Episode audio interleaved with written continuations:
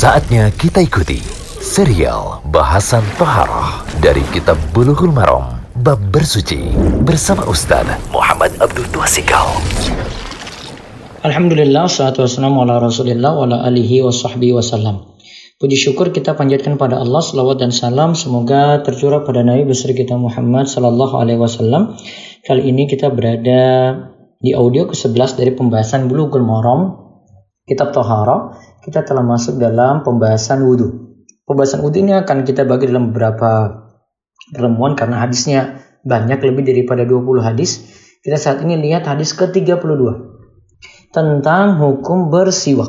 Ya, hadis ke-32 tentang hukum bersiwak. Dari Abu Hurairah radhiyallahu anhu dari Rasulullah sallallahu alaihi wasallam ia bersabda, "Laula an asyukka ala ummati la amartum laula an asyukka ala ummati la amartuhum bisiwaki ma'a kulli wudu'in. Akhrajahu Malikun wa Ahmadu wa Nasaiyu wa Suhaw Ibnu Khuzaimah. Dari Abu Hurairah radhiyallahu anhu dari Rasulullah sallallahu alaihi wasallam bersabda, Seandainya bukan karena khawatir akan menyusahkan umatku, niscaya aku perintahkan mereka untuk bersiwak setiap kali berwudu. Hadis riwayat Malik, Ahmad, An-Nasai disediakan oleh Ibnu Khuzaimah. Kesimpulannya dari Syekh Abdullah Fauzan, hadis ini sanad hadis ini sahih sesuai syarat Bukhari dan Muslim. Nah, faedah apa yang bisa kita ambil dari hadis ini? Kita lihat dianjurkan atau disunahkan untuk bersiwak secara umum ya, bukan wajib. Ya, kalau bersiwak ya ini dengan menggunakan kayu siwak. Ini berlaku bagi laki-laki dan perempuan. Ya, sekali lagi ini berlaku bagi laki-laki dan perempuan. Secara umum seperti itu. Walaupun sekarang mungkin kita orang Indonesia sulit untuk mencari kayu siwak, maka nanti menggunakan yang biasa kita gunakan penggantinya ya tujuannya menghilangkan bau mulut. Walaupun memang dari sisi nilai tentu saja berbeda ya. Rasanya juga berbeda ketika itu. Nah, kemudian yang kedua disunahkan untuk bersiwak setiap kali berwudu. Ingat ya, bersiwak setiap kali berwudu. Jadi mau berwudu yang untuk sholat ataupun di luar itu disunahkan untuk bersiwak. Terus yang ketiga, nah sekarang letak siwaknya ini kapan? Apakah sebelum berwudu atau ketika kita kumur-kumur?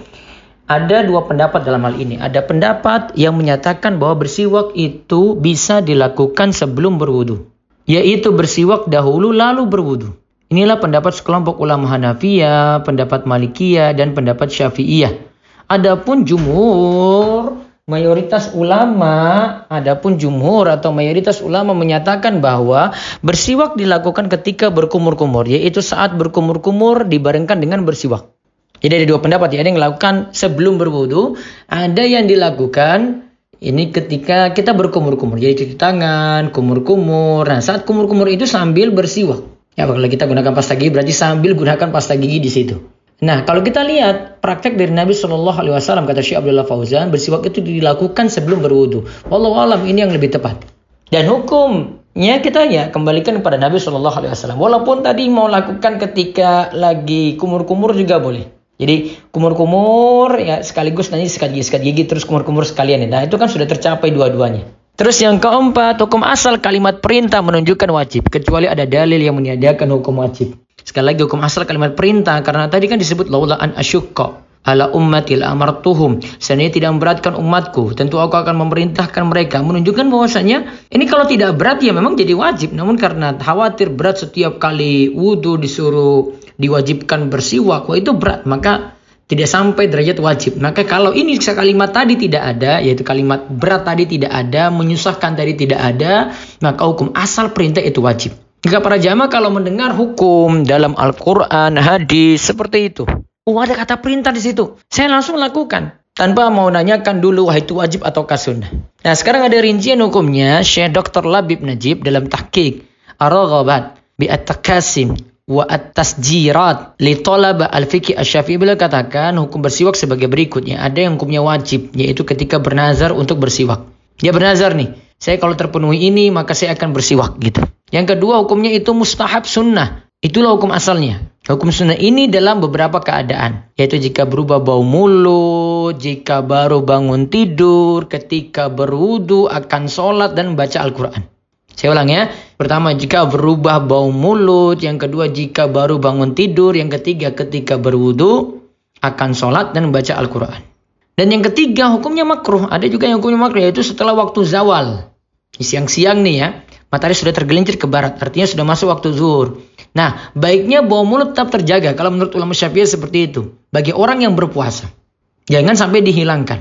Ya, jadi setelah zuhur nanti kalau sudah masuk zuhur, nah ini bau mulut makruh untuk dihilangkan dengan siwak. Jadi bersiwak ketika itu jadi makruh. Termasuk juga sini berarti kalau dihukumi sama dengan pasta gigi ya berarti jadi makruh di situ.